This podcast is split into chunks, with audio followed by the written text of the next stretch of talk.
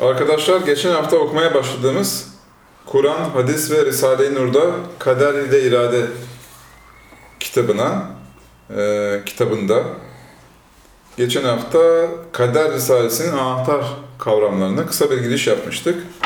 Bu hafta bu anahtar kavramlara giriş yapıyoruz değil mi? Evet, şimdi konuya geçtik. Konuya geçiyoruz. Kitabımız aslında 10 bölümdür. Evet. Uzunca bir araştırmadır. Onu işte yavaş yavaş peyderpey okuyacağız inşallah. İnşallah. Çok detaylı açıklamalar içeriyor kitap. 26. sözün birinci mebhasının anahtar kavramları. Ben bu başlığı da açmak istiyorum hocam. Ee, Üstad Bediüzzaman Said Nursi'nin Risale-i Nur Külliyatı'nın sözler Kitabının Sözler 26. kitabının. sözü kaderle ilgilidir. Bravo. 26. Kap- sözün. Bir miktar kapalı olduğu için önce kader anahtar kavramlarını açıyoruz sonra metni okuyoruz. Tamam. Yani bu 26. söz kelimesini ilk defa duyanlar için bunu açıklama ihtiyacı Evet. hissettim. 26. sözün birinci mepasının anahtar kavramları. 26. söz yani Risale-i Nur'daki 13 numaralı risalelerin konularına baktığımızda hepsinin şer, şeytan ve musibetlerden söz ettiğini görüyoruz. Çünkü 13 sayısı Allah'ın ehadiyet tecellisinin remzidir. Ehad isminin sayısal değeri 13'tür. Yani Allah özel tecellisi ile geliştirmek için musibetleri bilerek işletiyor. Varlıkları diyalektik yapıyla geliştirmek için bilinçli tercihler yapıyor. İşte genellikle halk arasında bu bilinçli tercihlere ve müdahalelere kader deniliyor.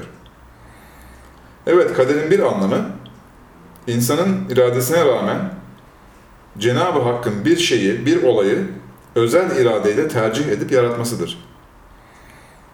26 sayısı ise 13'ün iki katı olması, Allah'ın daha da özel ve geniş bir alanda seçtiği hikmetli ve musibetli işleri yaratmasının bir sembolüdür. 26. lema çok geniş olan ve hiç kimsenin ondan kurtulamayacağı bir mukadderattan söz ediyor. Yaşlılık ve ölüm yasası. 26. mektup ise ırkçılık gibi nefsin somut maddi değerlendirmelerinden ve şeytanın yokluğa dayanan ve gerçeklikle hiç ilişkisi olmayan vesveselerinden bahsediyor. Hiçbir şey yoktur ki onun hazineleri yani kaynakları yanımızda olmasın. Biz onu ancak belli bir ölçü ve miktar ile indiririz. Hicr suresi 20. ayet. Bu ayeti açıklıyoruz değil mi hocam şimdi? Evet. Bu ayetteki kelimelerin açıklaması. A. Her şey. Şey, Allah'ın meşiyetiyle şekil ve karakter almış varlık demektir. Eşya dediğimiz hadise nedir? Şey, meşiyet kökünden gelir. Yani Arapça bir kelimedir. Hmm. Meşiyet kökünden gelir. Allah'ın doz- kendi iradesiyle özel oluşturduğu dosya demek. Bir form mu alıyor hocam? Bir form alıyor. Aslında yani parça yok. Parça diye diyebileceğimiz bir şey, varlık yok. Her şey bir yazılımdır, her şey bir dosyadır. O dosya Ben doğru- enerji oluyor. Enerjiye mi form vermiş oluyor şey olunca? İşte maddeye, enerjiye form veriyor. Enerjiye form veriyor. Maddeye de form veriyor. Yazılıma da mı form veriyor Atomlara da form veriyor. Enerjiye de form veriyor. Enerjiye form verince atom olur, atomlara form verince eşya oluyor. Kademe kademe. Dolayısıyla her şey bir dosyadır. Evet hocam. B. Katımızda. Yani Arapçası indena oluyor. Eşyayı eşya yapan, yani onlara şekil ve form veren, bütün kainatta temel iki damar gibi e, sibernetik olarak işleyen düzen ve denge kanunudur. Bu iki kanatlı kanun, bütün geçmişi ve geleceği kapsadığından ve soyut olan ilahi bilince dayandığından Allah'ın katıyla ifade ediliyor. Çünkü Allah'ın varlığı sonsuz ve soyuttur. O mekandan ve maddeden münezzehtir. C. Onun hazineleri yani tükenmez kaynakları katımızdadır. Yani yazılım, form, kanun gibi gerçekler soyut olduklarından dolayı hiç tükenmezler. Demek bu hakikatleri hazineler deyimiyle ifade etmek ilmi ve ontolojik bir mucizedir. D. Nünezziluhu yani onları peyderpey indiriyoruz. Yani o manevi varlıkları peyderpey somutlaştırıyoruz. Demek vahyin inmesi de mekansal bir iniş olmayıp sadece o sonsuz yazılım ve bilinç hazinelerinden ihtiyaca göre somutlaşması yani insana sunulması demektir. E onu bilinen bir kader ile indiriyoruz. Yani varlıkların o sonsuz soyut hazinelerden gelip somutlaşması bilinen bir kader ve ölçüyledir. Bilinen ölçü ve plan ifadesi ise matematiksel ve sayısal bir kanun demektir. Evet, her şey ikili 0-1 hesabının şekillendirdiği bir dosyadır. Dolayısıyla parça veya nesne tabirlerini artık kullanmamak gerektir. Çünkü parça yani kainatın sonsuz dosyasından kopuk, bilinebilecek, görünebilecek bir şey, bir nesne olmaz. Şu gelen ayet-i kerime bu anlattıklarımızı açık ve sayısal bir ifadeyle anlatıyor. Her şeyi İmam-ı Mübin'de saymışız. Yasin suresi 36-12 Her şey demek olan külle şey kelimesinin sayısal değeri 360'tır. Bu da daireler, yörüngeler, dereceler, kozmik çağlar şeklinde tecelli eden kaderin bir işaretidir. Matematikteki o 360 derece ifadesi de aslında değil mi bunların? İşte kulli şey, yani her şey Arapça ilginç bir dildir. İlginç değil mi? Sayısal bir dildir. Çok Matematiksel ilginç, bir dildir. Her şey deyince 360 ediyor. 360 derecede her şeyi kuşatıyor dolayısıyla. Hani diyorlar ya 360 derece danışmanlık yapıyoruz biz her konuda. Onun gibi. Onun gibi. Ahsay nahü kelime kökü olarak tane tane saymak ve yere koymak demektir. Evet, varlık ve olaylar tamamıyla ikili sistemden üretilen matematiksel dosyalardır. Bunlar yaratılırken sayısal kanuna göre oldukları gibi yine o sayısal kanuna göre kainatın değişik belleklerine kaydediliyor, depolanıyor. Kitabın 5. kısmında bu ayetin yani 36-12 geniş bir tefsiri gelecektir. Yasin suresi 36. sure mi oluyor? 36. soru oluyor. Değil mi? Evet. O da 360'ın aslında değil mi? Hmm. Ondalık olarak baktığımızda. Kader ve irade yani insanın serbestiyeti İslamiyet'in ve imanın zirvesini gösterir. Yani insan İslamiyet'in bütün ibadetlerini yapacak bir seviyede itaat ruhunu taşırsa, Allah'ı sonsuz ve soyut olarak bilirse, onu somutlaştırarak veya başka somut maddi şeyleri tesir sahibi görerek şirke girmezse, kader ve iradeyi anlayabilir. Zahiren zıt görünen o iki gerçeğin nasıl birbiriyle geçindiklerini görebilir. Burada bu iki derin gerçeği bilecek, görecek, beynimizdeki matematiksel mekanik akıl ve kafamızdaki iki göz değildir. Çünkü o iki, o iki gerçek bir derece soyut ve sonsuz olduklarından sadece hal ve vicdan ile hissedilirler. Hali ve vicdani bir imanın cüzleri, yani kader ve iradenin varlığına doğru ve sağlıklı bir şekilde inanmak, hali ve vicdani bir iman çeşididir. Demek bu hali ve vicdani, kalbi iman, kadere imandan daha geniş bir kavramdır. Kadere ve iradeye doğru olarak inanmak, iman denilen o geniş kavramdan sadece iki parçadır.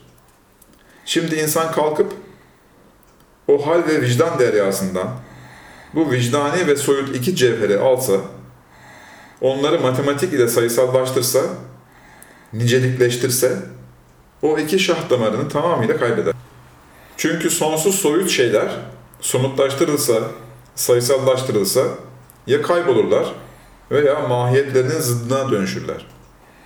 Demek bu kader ve irade niceliksel olarak çalışan akıl ve bilim çerçevesine sokulsa mahiyet, mahiyetlerini kaybettiklerinden ve İslam dini insanları düşünce ve hayallerinden değil de yaptıklarından sorumlu tuttuğundan ve dengesiz insanlar kaderi günahlarına yanlış bir şekilde dayanak ve sebep yaptıklarından bazı İslam alimleri kaderi inkar etmişlerdir. Daha doğrusu cebir ve zorunluluğu inkar edelim derken doğru yoldan sapmışlardır. Fakat kaderi inkar eden bu mezheplerin tarih seyri içinde sürekli fikir değiştiren birçok farklı fırkalar olduğundan, ayrıca maksatları bir derece kapalı kaldığından, araştırmacılar birçok muhalif fikri bir mezhep ismi altında ifade etmişlerdir. Bu konuda Üstad Bediüzzaman Lemeat'ta şöyle dengeli bir ölçü veriyor. Ey talibi hakikat, ey gerçeği arayan ol, değil mi? Maziyi Geçmişi. hem musibet, müstakbel ve masiyet ayrı görür şeriat. Maziye, mesaibe nazar olur kadere, söz olur cebriye. Müstakbel ve maasi, nazar olur teklife, söz olur itizale. İtizal ile cebir şurada barışırlar. Şu batıl mezheplerde birer dane-i hakikat mevcut, münderiştir.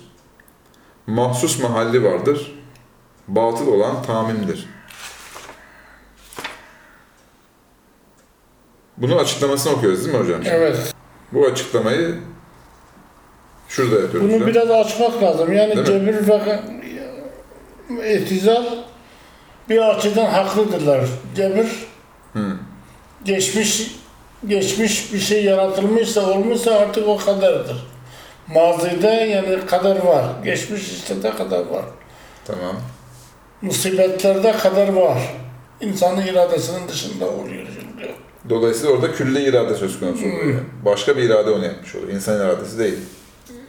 Eti mutezile ise irade şey, maasi ve sorumluluk konusunda e, e, mutezile doğru söylüyor. Hı. Her mezhebin bir haklı tarafı var. Hı. Yüzde yüz haksız ya da yüzde yüz haklı değil. haksız değiller. Evet. Burada bir soru var. Peki bir insan kadere inanmazsa imanı tam olur mu? Hı. Sorusu. Bunun cevabı hayır. Kaderi inkar eden varlığı ve kainatı karanlık ve kaotik görür. Bu da kafirlere mahsus bir niteliktir. Onun için kaderi inkar edenler tekfir edilmişlerdir. Fakat iradeyi inkar edenler küfür yerine sapıklıkla suçlanmışlardır. Sadece sapıklıkla damgalanmışlardır. Çünkü iradeyi, dolayısıyla sorumluluğu kabul etmeyen bir zihin, Allah'ı da, yaratılışı da anlamaz. Sağlıklı ve manalı bir ibadet yapamaz. İmanlı da olsa, imanı ve ibadeti eksik olur. Üstad Bediüzzaman bu farkı şu farklı iki deyimle ifade etmiştir. A. Kader insanı fahir ve gururdan, kendini ve sebepleri Allah'ın ortağı sanma şirkinden kurtardığı için imana girmiştir. B. İrade ise günah ve kötülüklerin insana ait olduğunu bildirmek için akideye dahil olmuştur. Yani kadere inanmayan insan imansız sayılır. Fakat iradeye yani insan serbestiyetine inanmayan insanın insan akidesi bozuk yani sapık sayılır. Neden kadere inanmayan kafir olur? Cevap çünkü tevhid kavramıyla ifade edilen Allah'ın birliği, her şeyi O'nun yarattığı ve yönettiği gerçeği yanında hiçbir şeyin ona ortak olamayacağı gerçeği ancak kadere iman ile sağlamca bilinir ve yaşanılır. Ayrıca insan gibi etkin ve bilgili sebeplerin hiçbiri hiçbir şeyi yaratamıyorlar. Çünkü bir şey yaratmak için geçmiş ve geleceğiyle bütün kainata egemen olmak gerekiyor. Demek kainatta kaos ve tesadüf olmadığı gibi sonsuz bir bilinç içeren sonsuz bir kaderin egemenliği gerçektir. Düzen ve denge, nizam ve mizan olarak maddi gözlere dahi kendini gösterir. İnsanın bu sistemdeki rolü sadece kazanç demek olan kesbdir. O da ancak şöyle gerçekleşir. İnsan önce iman sistemini tanıyacak, dua ile ona entegre olacak, şuur ile yani bilinçli bir tercih ile o varlık sofrasından alıp yiyecek ve bunun kesilmemesi için de rica ve şükür ile bu ilişkiyi devam ettirecek. Demek dahi ve sebep sadece Allah'tır. Yani sofrayı kurmak isteyen de O'dur, sofrayı kuran da O'dur. İnsana düşen sadece ondan istifade etmesidir. Eğer madem kader böyle etkindir, neden kötülükler var diye sorulsa cevap şudur. Kötülük lokal ve sınırlı bir şeydir. Yani sofrayı kurmayı istemek veya sofrayı kurmak kötü değildir. Eğer bu arada bir kötülük ortaya çıkmışsa o ya yemek yiyenin midesinin küçüklüğündendir, yani istidadi yapısal eksiklik veya yanlış yemesindendir, yani tercih sonucu oluşan eksiklik. Bir lokma yerine ağzına beş lokmayı birden atması gibi. Demek şer ve kötülük iki, çeşit, iki çeşittir. İstidattan, yetenekten oluşan kötülük veya yanlış tercih sonucu gelen kötülük. Fakat bu göreceli, lokal iki kötülük kötülük çeşidi ilahi sonsuz sistemde istihaleye uğrar, hayra dönüşür. Yani bu sonsuz sistem içinde kötülüğü yaratmak kötü değildir. Sadece o lokal kötülük niteliğini kendine çekmek ve ona bulaşmak kötü ve günahtır. İstidadi olan, istidadi dedi yeteneğe bağlı. Yeteneğe bağlı, yapısal. Eksiklik ve kötülük eğer daha önce işlenmiş yanlış bir tercihe dayanmıyorsa o varlığın doğal yapısından dolayı ise onda sorumluluk olmadığı gibi bizim eksik saydığımız öyle şeyler azap görmek şöyle dursun kendinden memnun ve mutludurlar. Onlar mükemmel bir sistemin çarkı olmakla yeteneklerine göre lezzet bile alıyorlar. Risalenin başında iman ve İslamiyet'in nihayet meratibinde, nihayet mertebelerinde denilmiştir. Yani insanlar ne kadar zirve de olsa onların zirvelerinin ölçüsü farklı olur. Dolayısıyla her insanın kader ve iradeye imanı da farklı olur. Mesela manen terakki etmeyen, soyut algılamayı beceremeyen avam, yani halk içinde değişmez kesin bir emir olarak kader kavramı kullanılabilir. Bu da ancak olmuş geçmiş hadiseler ve musibetler alanında geçerli olur. Çünkü karşı konulamayan bir şey eğer gerçekleşmişse o şey kaderin bir emri ve yazılımı imiş demektir. Bu şekilde geçmiş olmuş musibetleri değerlendirmek, işi kadere yüklemek, ümitsizlik ve üzüntü hastalıklarının ilacıdır. Fakat ilim ehli bu kader idi, kesin olacaktı diye avam gibi meseleyi birden kapatamaz. Avam bu konuda daha rahat değil mi? Pat diye kapatabiliyor konuyu yani. Kader diyor, geçiyor gidiyor. Yani bakış açıları farklı, alanları farklı, Dolayısıyla analizleri farklı. yani ona göre pratik bir şekilde çözmüş oluyor konuyu. Ama bilim ehli öyle değil, sorguluyor yani. Bu sorgulaması lazım, bilim ehli sorgulaması lazım.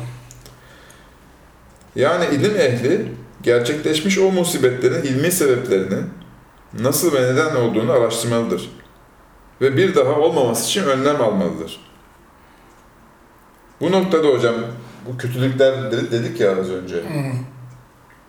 İşte bu önlem alınmadığı için neden olduğu, neden Ondan da ilgili mesela insanların organize olamamasının sebepleri, dünyada kötülüklerin, karışıklıkların asıl sebebi olmuş oluyor değil mi? Evet. Onun önlemi alınmamış oluyor yani. Onlar bilim ehli sorumludur. Ve bir daha olmaması için önlem almalıdır. Kendi sorumluluklarını ve eksikliklerini hissetmelidirler. Demek gerek avam olsun, gerek ilim ehli olsun, gelecek şeyleri, yani istikbaliyatı ve gerçekleşmiş günahları kader diye yorumlayıp sefahet ve atalete düşemezler. Çünkü olmayan bir şey, yani istikbaliyat, sonsuz ihtimaller taşır. Genellikle ademi olan ve varlıkların ya yapısal yani istidat veya kötü tercihleri sonucu ortaya çıkan günahlar kesin bir yazgı olan ve her zaman müspet neticeler veren kadere yüklenemezler. Eğer böyle bir yükleme olsa bu ilmen yanlış olduğu gibi ahlaken de insanı sefahet bataklığına düşürür veya atalet hapishanesine sokar. Yani burada çok sorulan bir soru olduğu için tekrarlıyorum hocam. Hani kainatta neden kötülük var falan sürekli soruluyor da insanlar. İşte küçük çocuklar ölüyor, parçalanıyor, bombalar, şunlar, silahlar falan derken. Aslına bakarsan burada herhangi bir eksiklik varsa onu tamir edilmediği için o zaman içerisinde büyüyor değil mi? Önlem alınmadığı için az önceki paragrafta Bir de o gibi. çocuklar masumdur. Onlar şehit oluyor. O ahirette öldükten sonra dirilişte onların mükafatı bire bir trilyon fazla veriliyor. Yani fazlası da verilecek. Telafi sistemi var. Dolayısıyla kader açısından kötülük yoktur. Artı bu böyle bir kötülük de kadere yüklenemez anlamında. Değil mi? Burada açılıyor yani bu konu. Bir sorumlusu Açıklıyor. vardır yani. İnsandır. O, o kötülüğü yapan da insandır yani. Evet. Dolayısıyla cezasını o çekecektir ve karşı tarafta mükafatını alacaktır. Hem kötülüğü yaptığı için hem önlem almadığı için. Hem önlem almadığı için o insan cezasını çekecektir. Eğer denilse işlerin, olay ve nesnelerin olmasını isteyen dahi Allah'ın kaderidir. O olayları ve işleri yaratan Allah'ın sonsuz kudretidir. İnsanın serbestiyet ve iradesinin elinde sadece o varlıklar sofrasından yemek veya yememek gibi bir kesp yani kazanma, hak etme kalır. Neden Allah başta Kur'an olmak üzere gönderdiği kutsal kitaplarda insanı kendisine rakip ve düşman olarak gösteriyor? Kainat büyüklüğünde olan suçları insana veriyor. Ona sonsuz ağır cezalar vereceğini vaat ediyor. İmtihan açılması için insana çok yetki vermiş Allah. İmtihan etmek için, dinin sevabı, ce- cezanın işlemesi için, Evet. cennet ve cehennemin doldurulması için insana çok yetki vermiş Allah. O yetki dairesinde Dolayısıyla insan Allah'ın rakibiymiş gibi gösteriliyor Kur'an'da. ilginç. Cevap bazı insanların o sonsuz varlık sofrasından gereği gibi istifade etmemeleri, belki kalkıp bütün tabakları kırıp yemekleri boş yere israf etmeleri, kainat büyüklüğünde bir cinayettir. İşte burada imtihan başlıyor. Evet, mi? imtihan başlıyor. Müspet ve olumlu çalışan, inanan ve şükreden diğer bütün insanların haklarına tecavüzdür. Dolayısıyla kainat büyüklüğünde bir cezayı hak ettirir. Çünkü böyle bir cinayet bütün varlık ağacına bir hakarettir. Bir netice onu israf etmektir. Ve yokluğa dayandığı için kainat kadar bir tahribattır. Tahribat olduğunda o nankörler adeta Allah kadar güçlü görünüyorlar. İşte bu gibi hikmetlerden dolayı Allah kafirler için benim ve siz müminlerin düşmanları diyor. Mümtehi, Mümtehine suresi 1. ayet. Bütün kudretini ve sistemini haklı olan müminlerin ve müteşekkir kullarının yardımına gönderiyor. Hulasa bu risalenin birinci mebhası varlığı, düzeni, serbestiyeti, nedenselliği ve konuyla alakalı diğer temel kavramları açıkladığında kader risalesinin en önemli me- mehpasıdır. Fakat insanlarımızın çoğu bu şekilde evrensel ve yapısal noktaları bilmediğinden kader ve iradeyi ilmi ve nazari olarak algıladıklarından özellikle gelecek ikinci mefası daha çok önemli görüyorlar. Bu birinci mefasın metnini okuyorum hocam. Okuyalım. Şimdi şimdiye kadar biz kavramları açıkladık. Evet. Şimdi Bu da orijinal metin. Orijinal metni okuyalım. Belki bakış açımız biraz daha genişlenir. Birinci mefasın metni. Kader ile cüz-i ihtiyari iki meseleyi mühimmedir. Ona dair dört mebhas içinde birkaç sırlarını açmaya çalışacağız. Kader ve cüz-i ihtiyari, İslamiyet'in ve imanın nihayet hududunu gösteren, hali ve vicdani bir imanın cüzlerindendir. Yoksa ilmi ve nazari değillerdir. Yani mümin, her şeyi, hatta fiilini, nefsini Cenab-ı Hakk'a vere vere ta nihayette teklif ve mesuliyetten kurtulmamak için cüz-i ihtiyari önüne çıkıyor. Ona mesul ve mükellefsin der. Sonra ondan sudur eden iyilikler ve kemalat ile mağrur olmamak için kader karşısına geliyor. Der, haddini bil, yapan sen değilsin.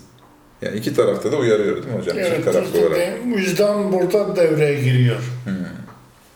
Tam bir denge var. Yani yaratmıyor, yaratamıyoruz. Hak ediyoruz sadece. O hak edişi de vicdan tartıyor. Hak ettik mi, etmedik mi? Sen yapmıyorsun ama sorumlusun da yaptıklarından. Sorumlusun. Yaratamıyorsun ama sorumlusun. Evet, kader cüz-i ihtiyari, iman ve İslamiyet'in nihayet me- meratibinde kader nefsi gururdan ve cüz-i ihtiyari ademi mesuliyetten kurtarmak. ihtiyarı irade demek. Serbestiyet demek. Evet, Küçük serbestiyet. İhtiyar serbest. İhtiyar. Seçme, ihtiyar etti derler, ya, tercih seçme, etmek. seçme özgürlüğü. Seçme özgürlüğü. Kader, nefsi gururdan ve cüz-i ihtiyari adem mesuliyetten kurtarmak içindir ki mesail-i imaniyeye girmişler. Yoksa mütemerrit nüfusu emmarenin işledikleri seyyiatının mesuliyetinden kendilerini kurtarmak için kadere yapışmak ve onlara inam olunan mehasinle iftihar etmek, gururlanmak, cüz-i ihtiyariye isnat etmek, bütün bütün sırrı kadere e, ve hikmeti cüz-i ihtiyariyeye zıt bir harekete sebebiyet veren ilmi meseleler değildir.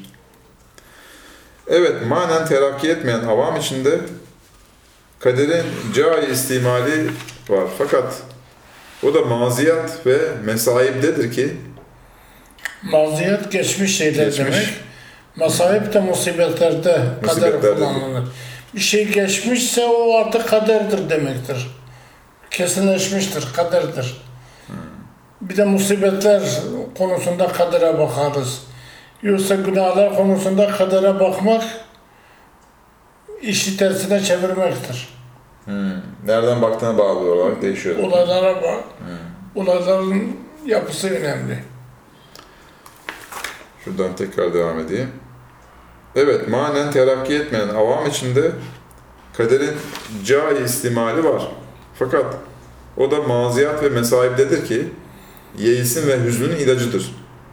Geçmiş olduğu için oluyor değil mi? Ümitsizliğin ve üzüntünün ilacıdır. İlacıdır. Yoksa maasi ve istikbaliyatta değildir Maasi ki. günahlar, istikbaliyette gelecekler, gelecek şeyler. Değildir ki sefahete ve ataate sebep olsun. Tembelliğe atsın insanı değil mi? Demek kader meselesi teklif ve mesuliyetten yani sorumluluktan kurtarmak için değil, belki fahır ve gururdan kurtarmak içindir ki imana girmiş. Cüz-i ihtiyari seyyata yani kötülüklere merci olmak içindir ki akideye dahil olmuş. Yoksa mehasine mastar olarak teferrün etmek için değildir. Firavunlaşmak için değildir. Evet, Kur'an'ın dediği gibi insan seyyiatından yani kötülüklerinden tamamen mesuldür. Çünkü seyyiatı isteyen odur. Seyyiat yani kötülükler tahribat nevinden olduğu için insan bir seyyiye ile çok tahribat yapabilir. Müthiş bir cezaya e, kesbi istikak eder yani müstahak olur. Bir kibrit ile bir evi yakmak gibi. Fakat hasenatta yani iyiliklerde iftihara hakkı yoktur. Onda onun hakkı pek azdır. Çünkü hasenatı isteyen, iktiza eden, rahmet-i ilahiye ve icat eden kudreti Rabbaniyedir. Sual ve cevap, dahi ve sebep ikisi de haktandır. İnsan yalnız dua ile, iman ile, şuur ile, rıza ile onlara sahip olur. Fakat seyyiatı isteyen nefsi insaniyedir. Ya istidat ile ya ihtiyar ile. Nasıl ki beyaz, güzel güneşin ziyasından bazı maddeler siyahlık ve taafün alır. O siyahlık onun istidadına aittir. Fakat o seyyiatı çok mesalehi tazammun eden bir kanunu ilahi ile icat eden yine haktır. Demek sebebiyet ve sual nefistendir ki mesuliyeti o çeker. Hakka ait olan halk ve icat ise daha başka güzel netice ve meyveleri olduğu için güzeldir, hayırdır. İşte şu sırdandır ki kesb-i şer, şerdir. Halk-ı şer, şer değildir. Şerri işlemek şerdir. Şerri yaratmak şer değildir. Çünkü onu Allah başka işlerde kullanıyor. Yaratıyor, başka işlere sebep yapıyor, gerekçe yapıyor. Değerlendiriyor onu. Ya onu yarat, mikrobu yaratıyor mesela. Diyelim ki. Yani yağmurun yağması musibet değildir. Yağmur altında ıslanıp hasta olmak mısın? Kötülüktür. O da insana aittir. Yağmurun kendisi rahmettir. Hı, çok güzel. Evet. Ha, burada da açıklama var evet. Nasıl ki pek çok mesalihi tazammun eden bir yağmurdan zarar gören tembel bir adam diyemez yağmur rahmet değil. Evet, halk ve icatta bir şerre cüzi ile beraber hayrı kesir vardır. Yani çok küçük bir şer, kötülük ile beraber Büyük çok büyük iyilikler, hayırlar vardır. Bir şerri cüzi için hayrı kesiri terk etmek şerri kesir olur. Çok güzel. Onun için o şerri cüzi hayır hükmüne geçer. İcadı ilahide şer ve çirkinlik yoktur. Belki abdin kisbine ve istidadına aittir. Hem nasıl kader-i ilahi netice ve meyveler itibariyle şerden ve çirkinlikten münezzehtir. Öyle de illet ve sebep itibariyle dahi zulümden ve kubuhtan mukaddestir. Çünkü kader hakiki illetlere bakar, adalet eder. İnsanlar zahiri gördükleri illetlere hükümlerini bina eder. Kaderin aynı adaletinde zulme düşerler. Mesela hakim seni sirkatle mahkum edip hapsetti. Halbuki sen sarık değilsin, Hırsız. Sarık hırsız. hırsız. Hırsızlıkla mahkum edip hapsediyor, değil mi? Ama sen hırsız değilsin. Fakat kimse bilmez, gizli bir katlin var. İşte kader-i ilahi dahi seni o hapisle mahkum etmiş. Fakat kader o gizli katlin için mahkum edip adalet etmiş. Hakim ise sen ondan masum olduğun sirkate binaen mahkum ettiği için zulmetmiştir. Ne kadar çapraz işliyor değil mi sistem? Muazzam. İşte şey-i vahitte iki, Tek bir şeyde. tek bir şeyde iki cihetle kader ve icadı ilahinin adaleti ve insan kisminin zulmü göründüğü gibi başka şeyleri buna kıyas et. Demek kader ve icadı ilahi mebde ve münteha, asıl ve fer, illet ve neticeler itibariyle şerden ve kubuhtan ve zulümden münezzehtir. Bunu bir açar mısın hocam? Yani sonuçlar itibariyle kader münezzehtir. Yapısal durumla ilgili ise O insana bakar. İnsan işlediği için. Zaten insanı kainatın içinden çek başka kötülük kalmıyor. Bravo. İnsan kötülük işliyor. Allah onu değerlendiriyor yani. Daha ne yapsın? Yani kainatın içinden insanı filtrelesen diyorsun. dese kötülük kalmıyor. Zaten de, Her şey Bir şey. melektir yani. Her, değil mi? Başka her şey melektir. Her şey görevini yapıyor. Vazifesini yapıyor. Tıkır tıkır işliyor sistem. Ne zaman biz sorumluluk dünyasına atıldık, Atıldık işte insan kötülükler başladı. imtihan edilir, Evet. edilmesi için, Amaç gelişmesi olarak. için, Hmm.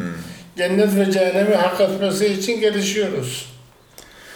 Eğer denilse, madem cüz-i ihtiyarinin icada kabiliyeti yok, İradenin yani icada Evet. kabiliyeti yok. bir emre itibari hükmünde olan kisipten başka insanın elinde bir şey bulunmuyor. Nasıl oluyor ki Kur'an-ı Muciz beyanda Halik-i semavat ve arza karşı insana asi ve düşman vaziyeti verilmiş. Halik-i arz ve semavat ondan azim şikayetler ediyor. O asi insana karşı abd-i mümine yardım için kendini ve bütün melaikesini tahşit ediyor. Ona azim bir ehemmiyet veriyor. El cevap çünkü küfür ve isyan ve seyyiye, kötülük tahriptir, ademdir, yokluktur. Halbuki azim tahribat ve hadsiz ademler bir tek emri itibariye ve ademiye tereddüt edebilir. Nasıl ki bir azim sefinenin dümencisi, yani büyük bir geminin dümencisi, vazifesinin ademi ifasıyla sefine garp olup Batar. gemi batıyor değil mi? Hı. Vazifesini yapmayınca. Bütün hademelerin netice-i sahileri iptal olur. Bütün o tahribat bir ademe tereddüt ediyor. Öyle de küfür ve masiyet adem ve tahrip nevinden olduğu için cüz-i ihtiyari bir emre itibariyle onları tahrik edip müthiş neticelere sebebiyet verebilir. Zira küfür gerçi bir kötülüktür, seyyiyedir. Fakat bütün kainatı kıymetsizlikle ve abesiyetle tahkir ve delail-i vahdaniyeti gösteren bütün mevcudatı tekzip ve bütün tecelliyat-ı esmayı tezif, olduğu, tezif olduğundan bütün kainat ve mevcudat ve esma-i ilahiye namına Cenab-ı Hak kafirden şiddetli şikayet ve dehşetli tehdidat etmek aynı hikmettir ve ebedi azap vermek aynı adalettir. Yani adaletin ta kendisidir diyor değil mi? Madem insan küfür ve isyanla tahribat tarafına gidiyor, az bir hizmetle pek çok işleri yapar. Onun için ehli iman onlara karşı Cenab-ı Hakk'ın inayeti azimine muhtaçtır. Çünkü on kuvvetli adam bir evin muhafazasını ve tamiratını derupte etse, haylaz bir, haylaz bir çocuğun o haneye ateş vermeye çalışmasına karşı o çocuğun velisine belki padişahına müracaata yalvarmaya mecbur olması gibi müminlerin de böyle edepsiz ehli isyana karşı dayanmak için Cenab-ı Hakk'ın çok inayatına muhtaçtırlar. Bu örnek güzel olmuş değil mi hocam? Evet. Yani birçok güçlü insan değil mi? Ellerinde imkan olduğu halde bir şeyler yapmaya çalışıyorlar, bir şeyler inşa etmeye çalışıyorlar. İyilik olarak düşünürsek. Ama çok basit böyle bir çocuğun bir kibriti değil mi? Oradan yakması gibi. bir, bir apartman yanar. Yani kötülüğün tahribat anlamındaki Kolay yıkıcılığı çok büyük oluyor. Yıkıcılık kolaydır. Dolayısıyla Allah bize yardım etmek vaadinde bulunuyor. Bu da aslında inananların duasına bir sebep teşkil ediyor değil mi? Dua etmesi. Evet. Bu hafta da bitti burada. Hocam 26. sözün birinci mehpasının anahtar kavramları ve metnini okuduk değil mi? Orijinal Evet. metnini okuduk. Teşekkür ederiz. Ben teşekkür ederim. Arkadaşlar bu haftaki e, okumamızı bitirdik. Haftaya ikinci mehpasın anahtar kelimeleri konusunda buluşmak üzere. İzlediğiniz için teşekkür ederiz.